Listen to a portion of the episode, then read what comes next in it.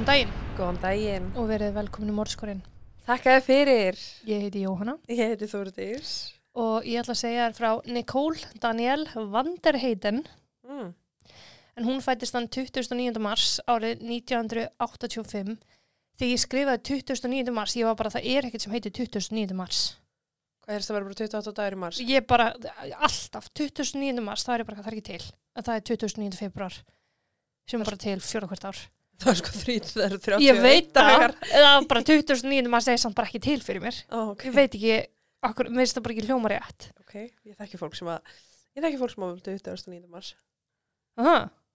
Nei, ég, bara ég einhver. þekki engan því það bara, þessi dagur er ekki til fyrir mér sko. en hún fættist í Manitowoc í Wisconsin Wisconsin Wisconsin Wisconsin. Skonsubærin. já. Í bandrægjunum en hún var dóttir þeirra Steve og Vicky og átti þrjú sískinni eina systur og tvo bræður. Hún var yfirleitt kölluð Nicky svo hérna kölluð hana Nicky en Nicky var mikið náttúrubann frá ungum aldri. Hún fann frið og gleði í einföldu hlutunum í lífinu sem að flestir hefði tekið sem sjálfsögðu. Eins og gönguferðir og útivera var hennar svona bara núlstilling Mm. Því aldrei sem hún varð, þá sá hún mikilvæg þess að huga að andlegri heilsu og tók því afar alvarlega og var svolítið fyrir andleg málefni almennt og passaði að lifa sínu lífi eftir því. En hún kallaði lífið fallega vegferð sem ég finnst lýsa henni vel. Mm. ok. Hún var mjög ástrík, var duglega að minna fólki sérst á hvað hann þótti vænt um það og passaði alltaf að forgangsraða rétt. Vini, vá, Viltu ekki bara taka úr mér það líka? Vinir og vandamenn voru alltaf ofalega lista og hún eitti ekkit óþara orku í fólk sem að skipta hana litlu eða engum máli eða fólk sem að dróður henni orku. Hún vildi lifa lífunu til fulls allan daginn og alla daga og valdi því vel hverjir fengju að umgangast hana. Mm. Fjölskyldan hennar var því eðlilega nummer 1-200 og það átti börnin hennar líka eftir að verða en hún var gift manni sem hún sér skildi við en hún eignast með honum tvö börn, þau uh, litlu englana sína eins og hún kallaði þá, Mikaela og Tyler. Ok. Áður en að börnin komið til sögunar hafði hún útskrifast um mentaskóla með góðum árangri, Hmm. góðum. Og þaðan farið í háskóla þar sem hún lærði vísindi en samhlega því þá tók hún kennsluréttindi og útskrifaðist þaðan árið 2010 og næstu ár átt hún eftir að eyða í kennarastarfi þar sem hún kaus að starfa fyrir ríkisrekna skóla en þar þótti henni hennar kraftar geta nýst best. Ok. Hún hafði nefnilega alla heimsins þólumæði fyrir börnum og úlingum og stóð sér virkilega vel í sínu starfi og var mjög vel liðin af bæði nefndum og starfsfólki. Í ársbyrjun 2015 þá var Nikki skilin einstað tveggjabarnamóðir og hörkudöfleg. En það er þarna í janúar þetta ár sem að Ástin bankar upp á. Mm. Eða reyndar Lostin. En Lostin var til þess að hún var mjög fljótt ófrísk. Að þriðja barni þá. Já. Mm. Tilvonandi bassfæður hennar var Doug Dietrich.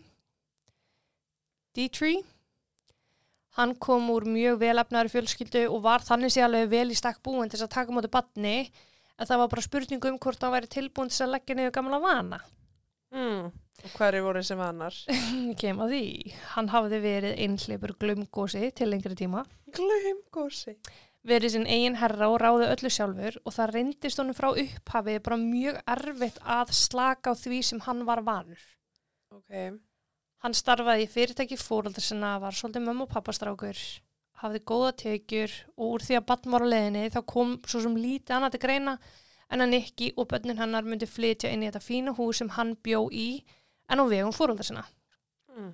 Þannig að þetta er svona strákur að maður sem einhvern veginn þurfti kannski ekki að leggja alveg sama á sig og aðrir og hafði tölvert meira rými og tíma til þess að leika sér Já. og svo núna allt í hennu bara kona og þrjú bönn.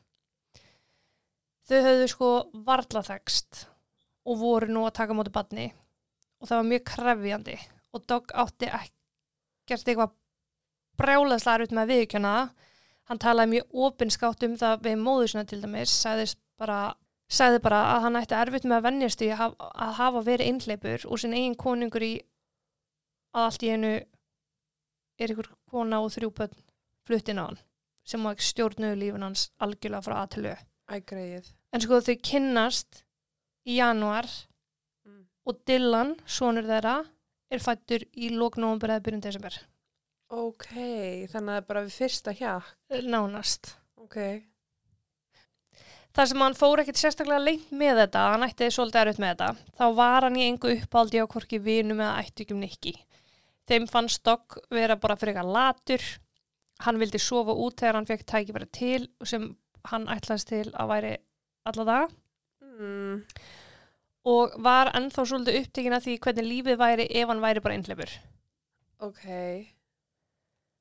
Og sambandi stóð alveg greinilega á brauðfótum því þau Nikki og Dogg voru endalaust að senda á milli sín skilaboð í ykkur veist, ósætum. Nikki fannst Dogg hvers og leiðileg við börnin öll þrjú, líka Dylan, son þeirra, sem var bara nokkura mánuða gamall. Og Dogg baðst afsökunar en tók samt alveg fram bara að þú veist, sorry, en mér finnst þetta bara allt svo ógeðslega erfitt og krefjandi. Ok, hann er allan á hreinskilin. Já, en hann síndi engan bata, þú veist, hann stæði fyrirgjöðu, en hann hagaði sér þú veist, ekki eins og hann sæi eftir neinu, því hann var margóft gripin við að tala til dæmis við aðra konur og almennt sína öðrum konum áhuga. Og hans upplifun var auðvitað svo að Nikki væri bara að draga all orku úr honum, gæfa honum ekki tækifæri til þess að sanna sig og væri að íta honum út í það að skoða í kringu sig, sem er bara lélægast afsökun sem ég hef heyrt. Já. en hann talaði reglulega um við sína fjölskyldu og sérstaklega mömmu sína. Bara, þú veist, hann sæi fyrir sér að næstu átján ár yrði bara helvíti fyrir honum.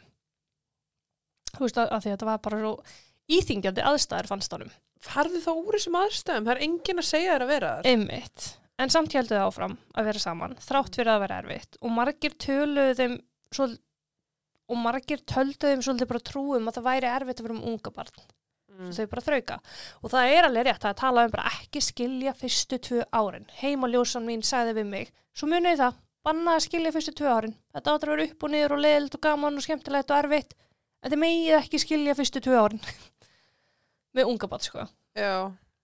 þannig að Mm.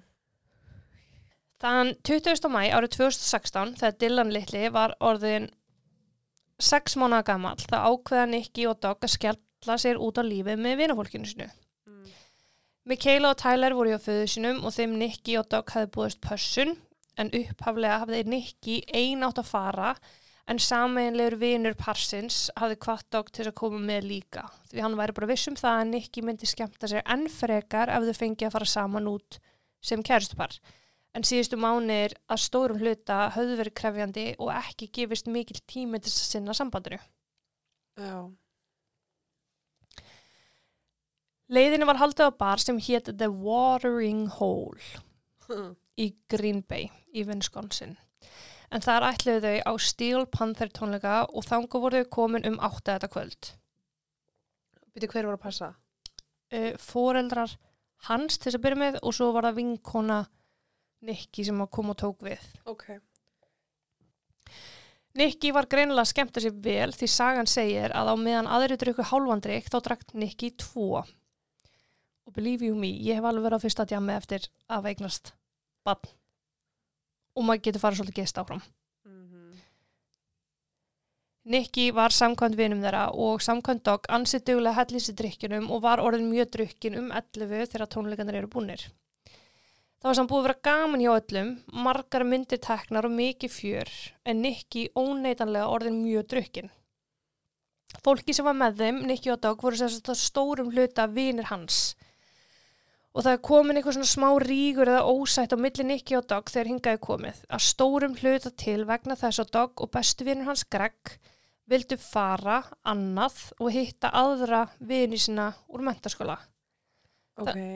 Þannig að þessi ríkur sem hafði smátt og smátt verið að myndast allt kvöldið ykst bara við þetta. Og það fer svo að Dogg og Greg fara eitthvað að hitta þessa vini sína og Nicky og hinnir fara saman á Sardínken. Er ekki smá nöfn. Af hverju þetta eitthvað að skýra bara sinn sardinudós? Af því að hann er eiginlega pín lítill. Það er það sem ég sé fyrir mér. Ó, ok, ég var bara að hugsa líktinn, sko. Uh, ó, það er rétt. Nikki var ekkert sérstaklega hress þarna og rétt þetta miðinati fyrir hún að senda á dog SMS skilabóð sem voru bara með hvað tíkartu núna, fokkaðir ofbeldisfulli rasshausiðinn og gefur statt og stöðugt í skín að hann sé að hitt einhverja stelpur sem, jú, því miður, hann hafa þetta alveg sögum. Já. Dog er samt að takast á þessu takast á þessu á svona frekar léttum nótum og svara bara lol um hvert að tala, hættu nú, verðu góð, ég sé eftir smá og er alltaf að segja, þú veist, ég er að koma yfir á sardínkenn. Mm. En Nicky er þau bara hægt að svara, þannig að hann fyrir bara að ringi hana og hann ringir hana tíu sinnum, sinnum. og hún svarar ekki símanum og hann svolítið bara gleymi sér í því fjöri sem hann er í. Fóruð þið ekki upphaflega saman niður Jú. í bæ? Hann og þessi félagar fara svo bara að sjúa Adderall í nefnaleng Mm. og svona gleyma tímanum. Ok. Adderall, Adderall, Mm. er hérna örfandi lif fyrir þá sem ekki eru með ADHD. Já. En á meðan var Nikki á sardínkan en bara komin í þennan hundsnagýr, nefndi ekki svaranum. Bara nefndi ekki svardák þegar hann hringdi. Hún var bara að dansa og skemmta sér. Nokkrir af öðrum betri vinum dogs voru jú með henni og voru alveg svona að fylgjast með henni og passa hana og samkvæmt þeim skemmti Nikki sér konungslega en var samt svona ábyrrandi ekkert í allt og góða skapi þegar einhver myndist á dog, til dæmis. Ok. Og það gerir útslæði þegar einhver stelpan í hópnum tekur upp á einhver svona, nei, herri, ég skal bara prófa að ringja hann úr mínum síma. Og dog svarar. Mm. En hann hafði fyrir um kvöldi verið með stæla að svara henni.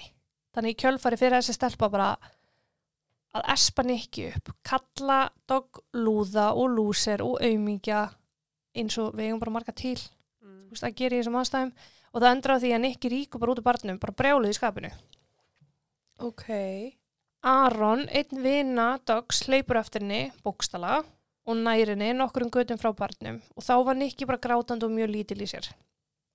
Vinurinn er þá bara, heyrðu, ég skal bara ringi bíl fyrir þig, ég skal fylgja þér heim, þú þarf bara að komast heim til Dillans, litla straxins hennar, og hún tekur ekkert vel í þetta. Hún ítir vinunum bara hreinlega í burtu frá sér og endar sérst, sjálf á því að detta á rassin og öskrar eins hátt og hún getur á hann þegar þau eru að eiga þessi samskipti. Bara leave me the fuck alone. Stop talking to me. Þú veist, þeir eru bara að blótunum skilur Ok. og hann bakkar frá henni af því að Nikki er fann að draga að þeim aðtikli frá bara gangandi vegförundum. Og þetta leit bara ekki alltaf vel út. Eitthvað gaur að tala við konu sem liggur öskrandi í götunni. Mm hún stendur upp á lokum og gengur í burtu og vinur dog, þessi Aron, gerur loka tilrun og reynir að sannfara hana um að hætta þessu bulli og segir við hana ég get komið heim núna strax og segir við hana bandarist orðatiltæki sem er You're a babe in the woods sem að vísar í að hún hafi ekki hugmynd um hvað hún sé að gera hún sé aðstæði sem hún ræðir ekkert við Ok. Og það átti svo sannlega eftir að koma ljós að hún endaði aðstæðum sem enginn gæti séð fyrir. Hún gengur í burtu frá vinnunum og það síðasta sem að hann sér af henni er hún að setja síman upp við eira á sér. Ok. Og það er um milli 20 myndir yfir 12 og halv eitt aðförn og 21. mæ. Mm. Það heyrist ekki til að gera. Mm. Ég heyr það. Ok.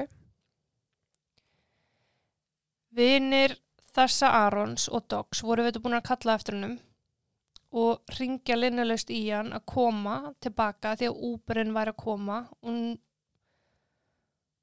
og væri nú komin svo hann gengur bara tilbaka fullviss sem hann hefði gert allt hvað hann gat til þess að reyna að koma heim. Ok, og þarna var hann búin að ringja í Uber og var að leiðinni í, í Uber Hann, fyrir sjálfan sig. já, sem sagt vinir hans hefði ringt á Uber upprunulega og voru bara búin að halda Uberinnum og reyna að bí, þú veist, fá hann til að koma. Ok.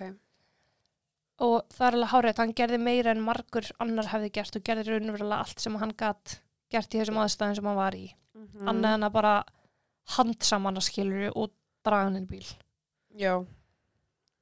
en það er nefnilega þarna um þetta leiti sem að Dog átti sig á tímunum hann er náttúrulega bara búin að sjúandi allra alveg neppan og að hafa gaman þannig að hann ringir inn ekki 12.36 og hún svarar símanum en hann skilur ekki orð af því sem hún er að segja því hún er svo drukkin. Ok. Svo hún, hann réttir Greg vini sínum síman og segir, sem segir Nicky að hætta þessu bulli og fara aftur inn á Sardine Can og þeir myndi bara hitta hana þar. Þeir voru bara í fimm minna fjallað frá henni og sögðu að þeir getur líka komið og sótt hana ef hún vildi en í miður símtölu þá deyr síman hana Nicky. Ah, Klukkan eitt eru þeir komnir á Sardine Can 25 minnir setna og eru að spyrja fólk hvort það við síðana núna síðustu 20 mínúnar sem var auðvitað ekki. Uh, á einhverjum tímapunkti þessar 20 mínútur sendir Nicky Dogg skilaboð og segist hafa hitt vin sinn. og er hann þá að senda úr öðrum síma? Uh, í góð spurning. Af því að síminn hennar er dáin?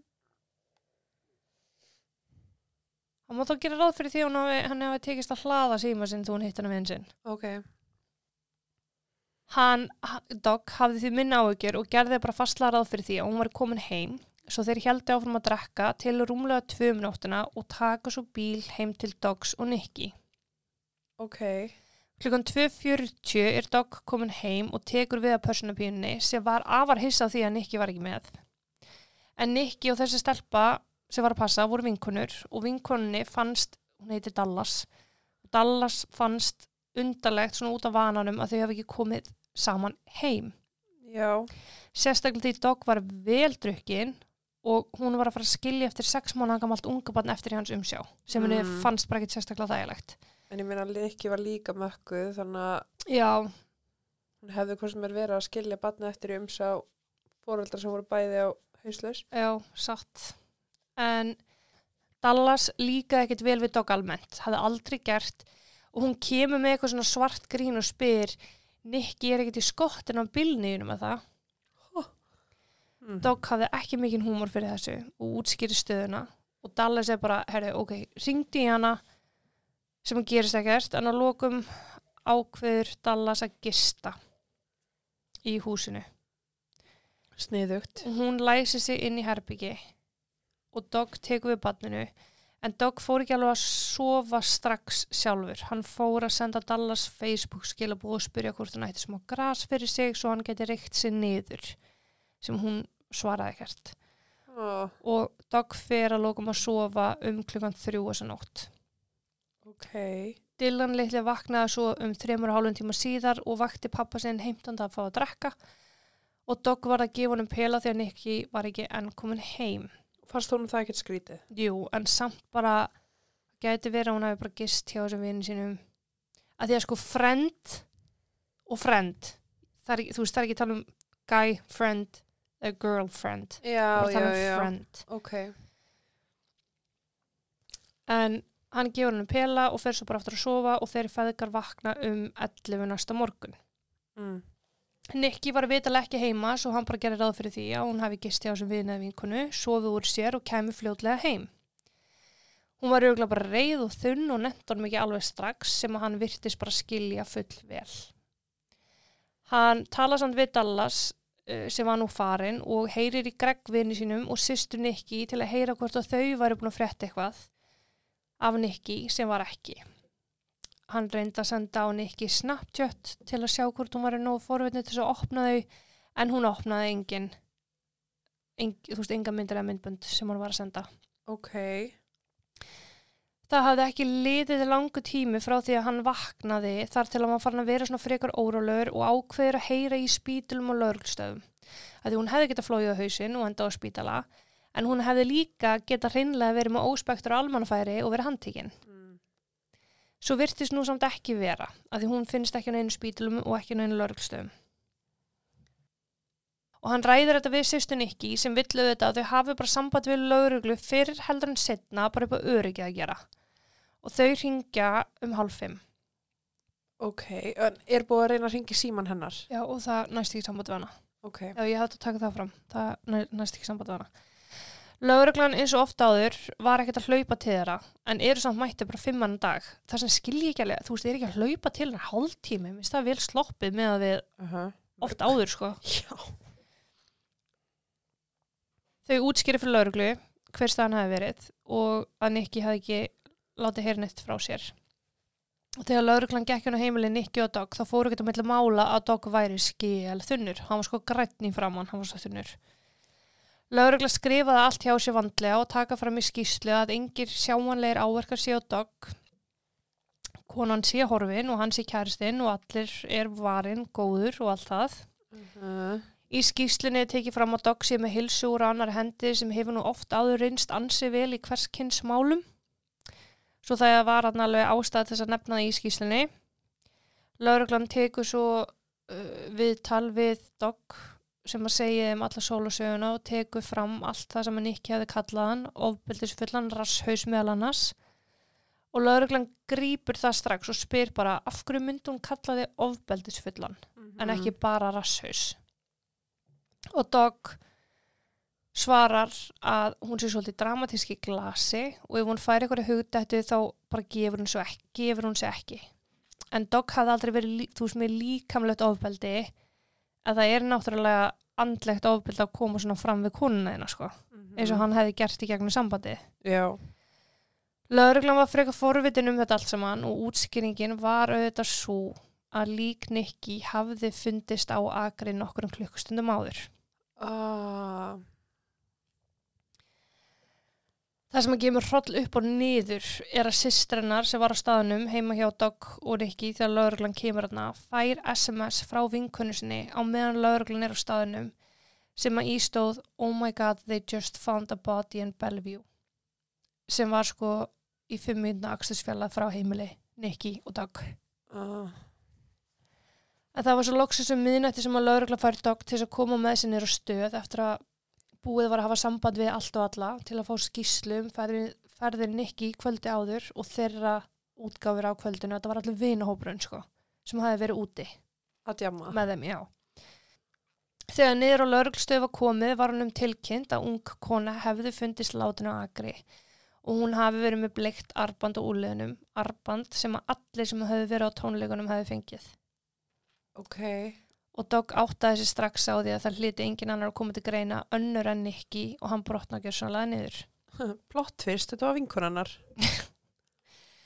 Nicky hafði fundist kviknakin nema ennþá í sokkum, látin í einhverju svona trjá greni svæði á agri nála við bóndabæ en tveir ungir strákar hafði hringt og tilkynnt um líkfundin 20 mínutum fyrir tvö þannan dag eða þremur tímum tæpla áður en að Dogg og sýstir Nicky kalla eftir lauruglu.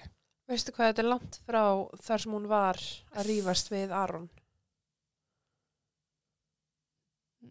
Mm, ég þú það ekki frá núna. Ég man það ekki núna, ég er með það á mynd sko. Ok. Að Þetta er í fimm mínúna fjallað frá bara heimilin hennar, bara þú veist, þetta er byrn vegur og vinstri bega heim til hennar Ok. frá það eins og hún finnst. En lík hennar hafði verið fært til krupningar fljótlega eftir eða eftir að laurugla var búin að sapna öllum sönnunagögnum og sínum og réttalæknir hafði komist að þeirri niðurstöðu að Nikki hafði látist vegna annarkvort höfuðhögs eða vegna kirkingar en áarkar voru til staðar sem að bendi til hvort tveggja. En það var engin leið til að segja um hvort koma undan Mm. hvort var fyrir til til að verðina að bana af því að áverkanar hefðu hvoru tveggja orðina, orðið henni að bana. Ok. Nikki hafði orðið fyrir ofbáslega ofbaldi. Hún var með 241 áverka á líkama sínum. Shit. Hún var með sár og skurði viðsvar á líkamanum, sérstaklega í andliti og á hálsi en hún var kyrkt með einhvers konar vír. Ah. Hún var með svakala áverka á kynfærsvæði. Hún var uh, marinn frá kvirfli og niður á tær og hafði áverkanir verið veittir bæði fyrir og eftir andlat. Hún var kjálkabrotin og það benti allt til þess að hún hafi ekki bara verið lamin með hnefa heldur barefli líka. Einhvers konar barefli sem að skildi eftir þessu óreglulegt mynstur. Hálfgerst sikksakk mynstur á húðanar. Mm. Talið var líklegt að Nikki hafi verið á lífi þegar stór hluti áverkanar voru veittir. En hversu lengi eða hvort hún hafi verið með meðvitund er ekki hægt að segja til um. Ok. Dogg komu þetta starklega til greina. Og mér finnst það ekki. Nei. Að, að, ég veit ekki að því að hann var með vinu sinum á barnum. Já, ég er sammála. En hann hafði eftir að laurugla hafði sleppt honum eftir skýrslutöku uh, nýru stöð ráðfært sig við lögfræng sem var ráðlað honum að veita engin síni, ekki DNA eða neitt slíkt. Ég meina þau eru náttúrulega í sambúð -hmm. þannig að það myndi finnast eitthvað á henni frá honum þá er það alveg útskýranlegt Já, þau búa saman sko nákvæmlega. En lögfræðingurinn vildi líka bara fá að kynna sér aðstæður og málið og gögn málsins áður en hann gæfi grænt ljós á að Dögg færi hlaupandi til lauruglu. sem er líka skiljalegt Já, og bara standard praktist, eða þú veist það bara vinnuferðlar skilur. Já, veist, ef þú ert einhver Pétur út í bæ að þú vilt ekki gefa síni mér finnst það skrítið, en þegar þú býr sko. með viðkomandi svo finnst hann látin, Mm að fyrsta sem lauruglan fær að gera er, herri við fundum DNA þitt á Já, I wonder why, sko. En að því að hann segir bara nei, ég ætla bara að nýta mér rétt minn til þess að afþakka pent, uh að þá var laurugla bara viss um það að þeir væru að horfa á réttan mann. mm, eins og ég er svo alltaf, sko Þegar útspurðist að Nikki var í látin þann 22. mæ, þá myndi nágrannin hennar eftir svolítlu sem hafi gerst hann á 21. Sérst, hún fyrir út 20. 21. þá finnst hún látin. 22. annan er það að frettast út um allt skilur að hún sé látin dáin. Já, Ok. þetta hafi verið hún sem hafi fundist Já. látin og myrt. og nágrannin Er að muna núna eftir svolítlu sem kom fyrir 21. eftir hún var látin Já. ok, Hann hafði verið að slá garði sinn þegar hann tók eftir vír í garðinu sinum, svona í grasinu sem var ábrandi blóður. Hmm. Hann hafði gert fastlega ráð fyrir því að um var að ræða blóð úr dýri en það viskonsins frekar þekkt fyrir hverskins dýra viðar. En nú þegar hann vissi af þessu þá vildi hann skinsamlega láta lauruglu vita. þeir náttúrulega fóra barnum tvö hann kom heim 2.40 Já. Mm. já mm. Laurugla kom strax á vettvang og tók vírin og það var hægt að skera úr um ansisnögt að hann væri blóður og, og blóðið væri úr mannesku en ekki dýri. Lauruglu fannst nú enn frekar ástæði til að skoða dog betur. Nikki hafði greinilega næstum því komist heim, Mm. jafnvel komist heim og verið myrt og líki hennar svo komið fyrir það sem það síðar fannst 12 tímum síðar.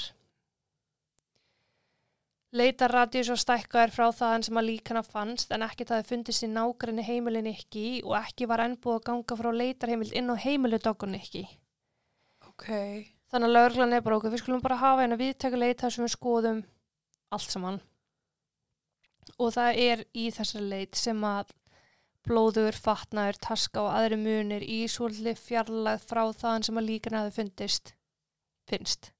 ég með svo margar spurningar sko Þegar leitarheimild var samþygt var leit framkvæmt inn á heimilu Dogunikki í bíl Dog og í bíl Gregs vinnar hans en þeir höfðu báður s- skilið bílan eftir fyrir utan hann fyrsta stað sem við fóru tónleikun á. En hvað með bíl uh, vinkununnar sem var að passa?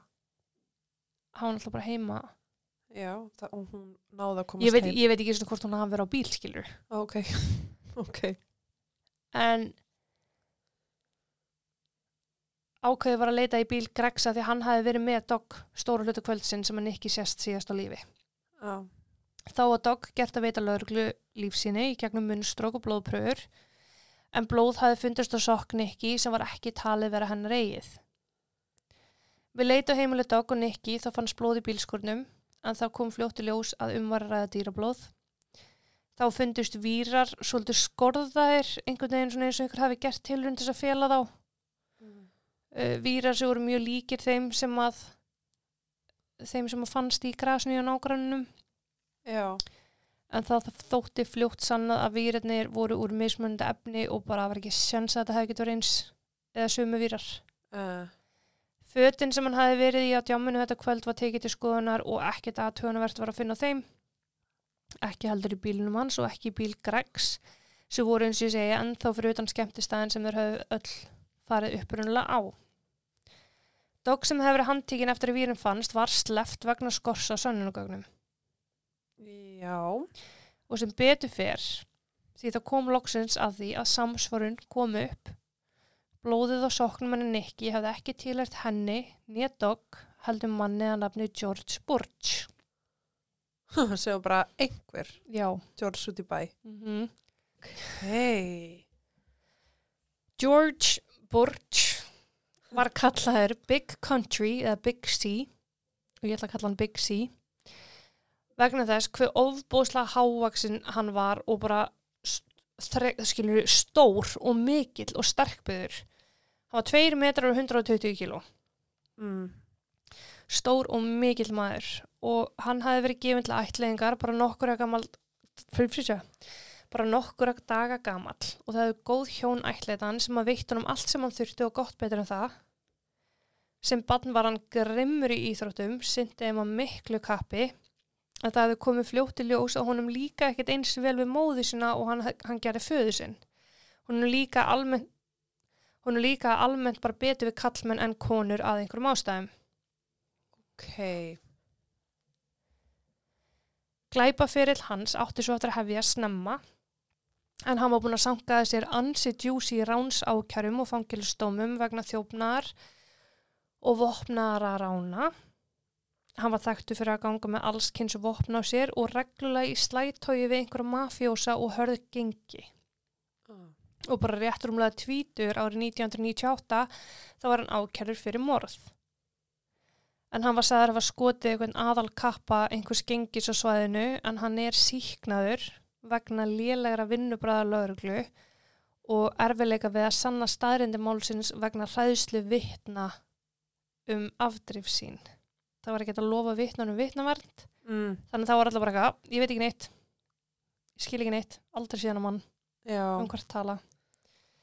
Og málið fellur svolítið um sjálfsig þannig að það þarf bara síknan en það þótti uh, allt, bend, já, allt benda til að hann hefði skotið þetta. Þannig mafjó, nei, gengis gang leader hvað, hérna, gengis forsprakka. Gengis formaður. forstjóra formaður, forstjóra já, ég veit ekki maður ég er ekkert sérstaklega vel að mér í gengjum líka bara ég er framkvæmdar stjóri formleg Ég er fjármálastjórin. Sætt mannuðu stjórin. Æj, æj, æj. æjæjæjæjæj En eftir þetta þá hafði það, þá, ég er alltaf að hugsa fórstjári gengi sér. Eftir þetta þá hafði hann að margir heldur slakað á, en hann hafði eignast konu og átti með henni tvö börn og hann kom sér fyrir í New York. En hann slakaði alls ekkert á þar. Hann sankaði sér fleiri þjófnaði ákærum, fíknefnarsölu og vopnaburs ákærum. Hann var sko bara eitthvað að, elda heroinskiluru, bara heim í stofu mm. og lokum gafst konan hans upp hann árið 2016. Hún fer frá honum. bara, já, frábært Hann ákveður að hafa samband við vinn sinn í Green Bay í Wisconsin og sannfarði hann um það að hann væri leita leið að hann væri leita betri lífi en raunin var auðvitað svo að hann var að flýja bara allar ákærunar sem að saksóknir fara að gera sér tilbúin til að draga hann fyrir dómið. og er það bara nóg, hann er farin á landinu og þá, eða fylkinu og þá bara já, já, hver er næstur við Ef, svo lengi sem hann er ekki til vandraða já, og þá er náttúrulega lauruglun ekkert að hafa neins afskipta á honum já og hann er ekki að gefa upp neins þar heimilsvanga neitt hann eða veit í rauninni ekki hvað hann er. já, ok, þannig að bara lifðu vel, sayonara bless Já, bókstala. ok, Ef einhver staðar þá í bandaríkunum, þetta er risastóra land sko. já, Þegar Big C var mættur til Green Bay þá fekk hann sér vinnu sem kokkur en líka hjá garðirki fyrirtæki og fekk inn hjá einhverjum hjónum, að fekk að búa hjá einhverjum hjónum sem hann bara glemdi alltaf að greiða leigu til. að ángríns. borga láni mín, ég þólegir að gera þess Fjandinn! Aftur! En þessi hjón þau vorkendi þessum nýskilna manni og láni honum bíl til afnota, bætt honum við á farsímaplan heimilisins og hann var með farsíma. Fættu hann og nánast klættu, sko, og þau voru bara ætlið að fulla hann kalla ángríns. Mm. Big C eignaðist hann kærustu sem var tvítug en hann 38 ára og var bara að lifa helviti góðu lífi svona í samanbyrju við það sem hann hefði annars beðið hans í New York. Hann þurfti náttúrulega að halda sér svolítið á hann down low Mm. Ég sé fyrir mér eitthvað svona lumberjack gæja. Já, það er samt ekki þannig sko. Ok. Hann hefði sjálfsagt komist upp með eiga mjög gott líf áfram ef að bara gamli vanar hefði ekki poppað upp. Já. Hann hefði nefnilega ekki búið lengi í Green Bay þegar hann fór að keira fullur, keirði á, stakk af og hafði síðast nýlega verið greipin við að kveiki bílunum sínum. Já, ok. Hmm, af hverju sem var að gera það? Svo það er óhætt að segja að hann Big C var komin á ratar lauruglu ansi fljótt. Já. Þar sem að lauruglan þekkti til hans og hans sögu og var nú með lífs, lífsýni úr honum á líki ungrar konu, þá var ekkert því til fyrirstöð að fá heimil til að skoða öll hans gögn. Og það komu þetta í ljós ansi fljótt þegar símin og talvan hans voru gerði upptæk að símin hans hefði tengst símatörnum allstar þar sem hann ekki hefði verið þetta kvöld Já. við barinn, við heimileganar og að lokum þar sem að líki hennar átti síðan mér eftir að finnast uh, þar sem að fatnaðurinn hennar átti líka eftir að finnast og ekki nú með það hann hafði notað tölvu til þess að fletta upp máli Nikki ansi oft frá 21. mæ þegar að farsímagögnum voru skoðu bet- betur þá kom í ljós að hann var í götununa Nikki í 57 mínútur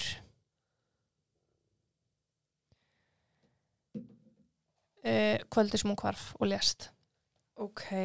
Fjórum mínútum síðar þá tengdist síminn hans við símamastur, eða símaturn, í nálagð við það þann sem að líki fannst og mannstu ég nefndi að það hefði verið í um fimm mínuna axusfjallað frá heimilunar, Uh -huh. þannig að það smellpassaði, púslinn voru öll að smella. Nokkru mínútum eftir það þá tengdist síminn símatörn þar sem fötin hann ekki fundust og klukkan 4.22 var hann að tengjast við törn sem var bara akkurat við heimilans. Þannig að það búið að staðsita hann á svæðunum. kvöldi, já. Já. þetta pluss samsvörunin á blóðun og sokkunum þetta var bara slam dunk Já. þegar lögregla gekk á hann með þessu upplýsingar þá reynda hann auðvitað að snúa þeim í margar hingi með sögum á borð við að hann hafi bara kynst Nikki þetta kvöld, kyrt hana heim sofi hjá henni og svo benti á dag Já, og hvað, og svaf hjá henni heima hjá henni fyrir fram vinkunum. hann talaði bæði um hann og svo hjá henni heima hjá henni en líka í bílnum í göttun hennar Já, það er eitthvað sem henni langaði bara geðvitt mikið þetta kvöld. Sko. Hmm. Þegar lögreglan dró frásögn hans í Eva þá sagði hann bara, æ, þetta er bara svona svo fríða á dýrið, ljótur og stór maður og falleg ung kona. Sagði hann. Já. Uh. At least he's honest. Já. lögreglan hefði viljað skoða bílinn hans en hann hafði jú kvikt í honum. Uh, og það setti strik í reikningin en verandi búin að viðkynna hálft brotið, allt það hans sögn sofa hjá henni, þá var þetta bara, ég skrifaði jafnblað og klárt, klappað og klárt. Ég meina kannski var jafnblað líka. You never know. og var hann handtekinn loksins þann 7. september eða rúmur þremu mánuðum eftir að Nikki var myrt og er ákærður fyrir morð af fyrstu gráðu yfir lögðu ráði. Já, bara ásetnings. Já. Lögmenn hans voru einhver hákallar á vegum ríkisins og þegar kom loksins að réttarhöldarum voru 2018 þá sögðu þeir auðvitað söguna þannig að Big C hafi keirt Nikki heim, nánast allavega heim, Uh.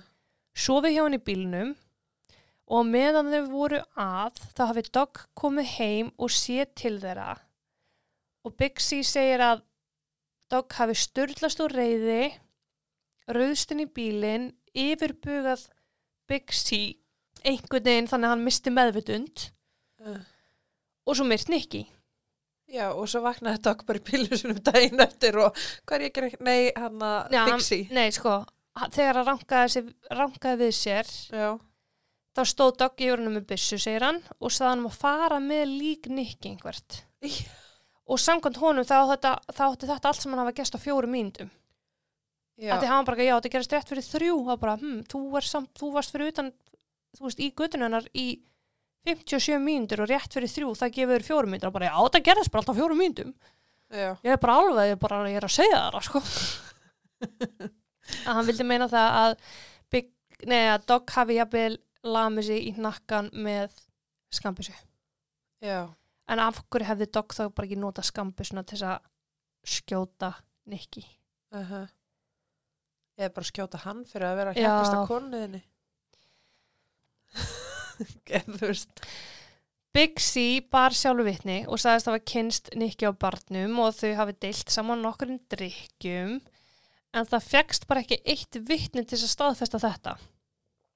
Nei. Allir sem voru á barnum það er enginn séð Nikki í nálægð við þannig mann. Þessi maður var líka stóra ábyrrandi. Já, þess þá heldur sitjunda raskatin að drekka bjóra með honum sko. Já. Vörnin var bara vona að kvitumur myndi gleipa þetta af því að hún var, jú, Nikki var mjög reið út í dag og hefði jafnvel alveg getað, þú veist, farið þann gýr að gefa sig á tal við Big C. Mm. Hann lísti svo í smáatröðum hvernig hann að sinni eiginu frásögn svaf hjá Nikki, hann gerði það auðvitað ekki, hann auðgaði henni, Emitt. En hann sagðist hafa staðið fyrir utan bílinn á meðan Nikki lá í aftursæti bílsinn sem þau höfðu verið í.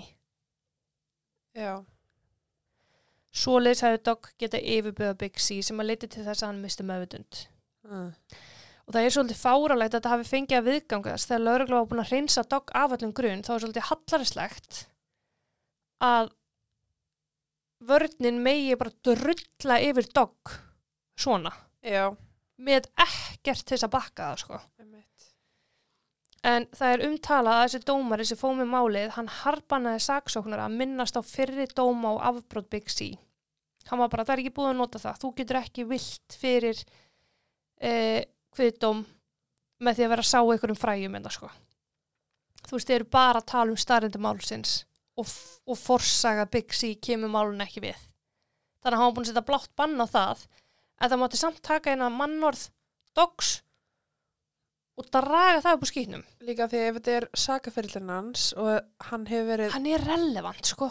já, þú veist, að því að þetta er endurtekning. Já. Þú ert síafbróta maður, þú ert að gera það aftur. Já. Þannig að Rökin eru þau, hann er að gera þetta aftur. ég skil ekki hvernig þetta tengist ekki málinu. Nei. En dómarinn vildi mann, vegna mannús, að, já, já. Um, já. En að samanskapi reyndar, þá leifði hann lögmannsteimi Big C ekki að spekulur eða varpa fram einhverjum hugmyndum um að Dog hafi verið ofbeldisfullur í garðin Nikki almennt. Þannig að þessi ummæli sem að Nikki segir ofbeldisfullir rasshaus, abusive asshole, þá mátti ekki nota það gegn honum. það. Ok. Sa það var ekkert þegar það var að fara að kafa ofin í sambandi, það var ekkert sem að benti til að hann væri raunverulega ofbeldisfullur í garð hennar annað en þetta með andla ofbeldið. Já, og þetta er líka kannski bara sagt svolítið í hitta leiksins. Já. Sí, maður hefur nú sagt verið Já, ég er að segja, sko. maður, maður hefur nú alveg verið í brálegu skapi og sagt hluti, sko, en, oh shit. Ó, ég ætla bara að segja fyrir gæði, ég myndi þetta ekki. Er það kemur baki á mér, Já. almatur. En saksóknari benti á öll vitnin sem voru ekki til staðar, til dæmis að þau hafi hista á sem bar, það gat bara ekki staðfesta, þannig að það bara gat ekki verið. Meikar ekki sens. Þá bentu þau einnig á staðrindi málsins, lífsýnin, farsímugögnin og allt þetta. Það bara, þú veist, halló, það bendir allt til þín. Já, líka það skiptir ekki eins og máli þó svo að þau hafi verið að drekka saman á barnum. Það er ekkert sem réttlættir það hvað hann gerði Nei. síðan mér. Svo sannlega.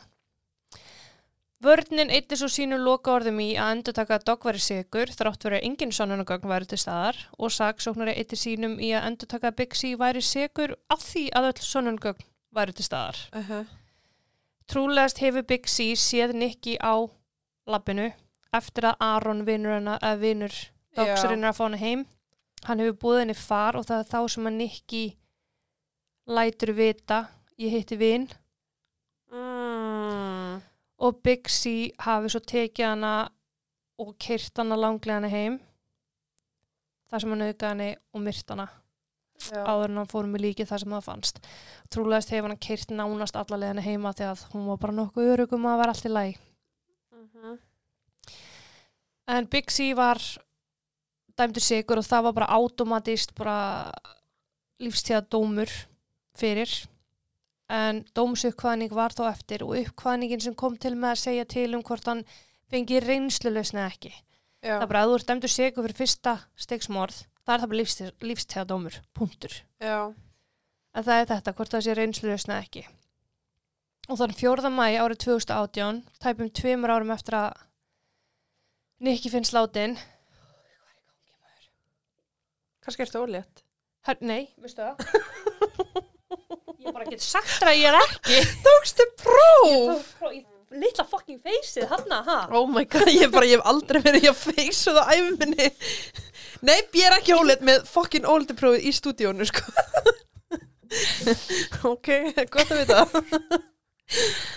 En þann fjórða mæ árið 2018, tveimur árum eftir að Nicky deyr, uh, þá mætir Bixi fyrir fram á dómara sem átti eftir að kveða upp fyrir honum refsingu hans. En fyrst fengu ættingar Nicky að segja sína, sína skoðun.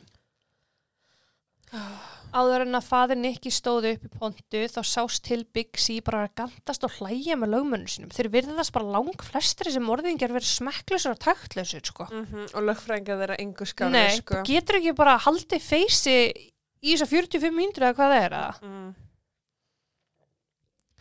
hann hlæri ekki svona mikið í fangaklefa, ég get næstu lofa því Jú, alveg potið, sko. Supugubuggur Segðu blindur.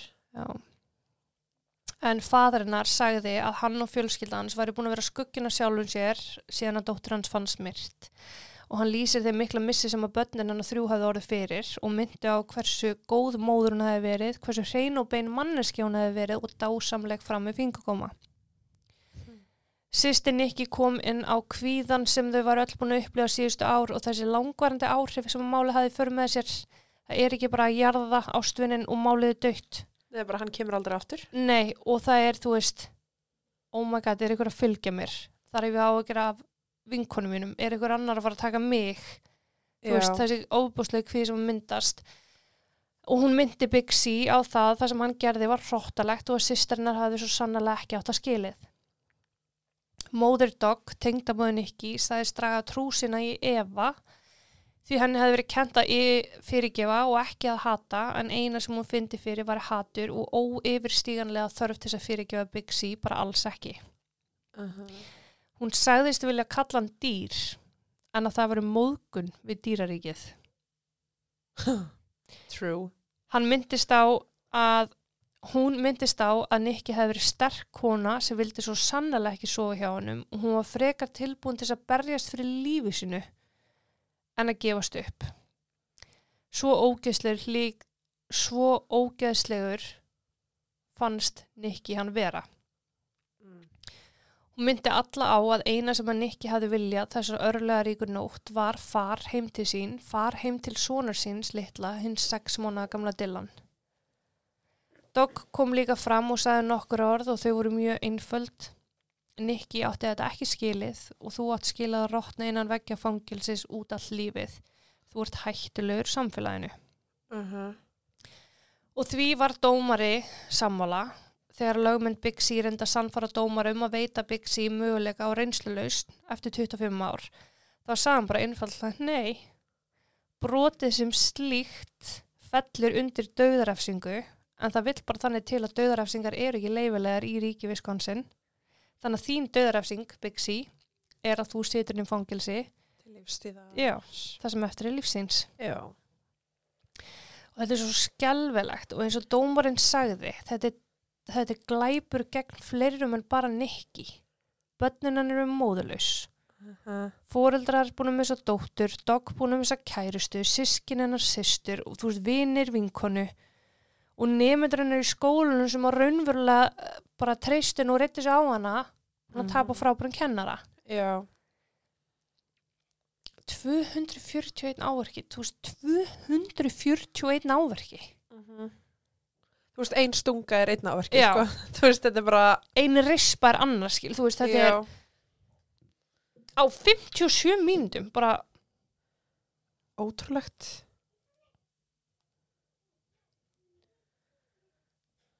Það eru fjórir áverkar á mínútu sko. Já. Það er bylun. Já, og þess að milli sem hann var að gera, að þú veist, Mm já. Mm. En það er samt svo skrítið að því að þáttan kemur, þú veist, mammans dogs kemur hann með bara því líka ræðu Já. og bara stendur upp fyrir sinni, þú veist, tengdadóttur og allt það. Það er hvergi minnst á doggi alvöru? sem kærsta.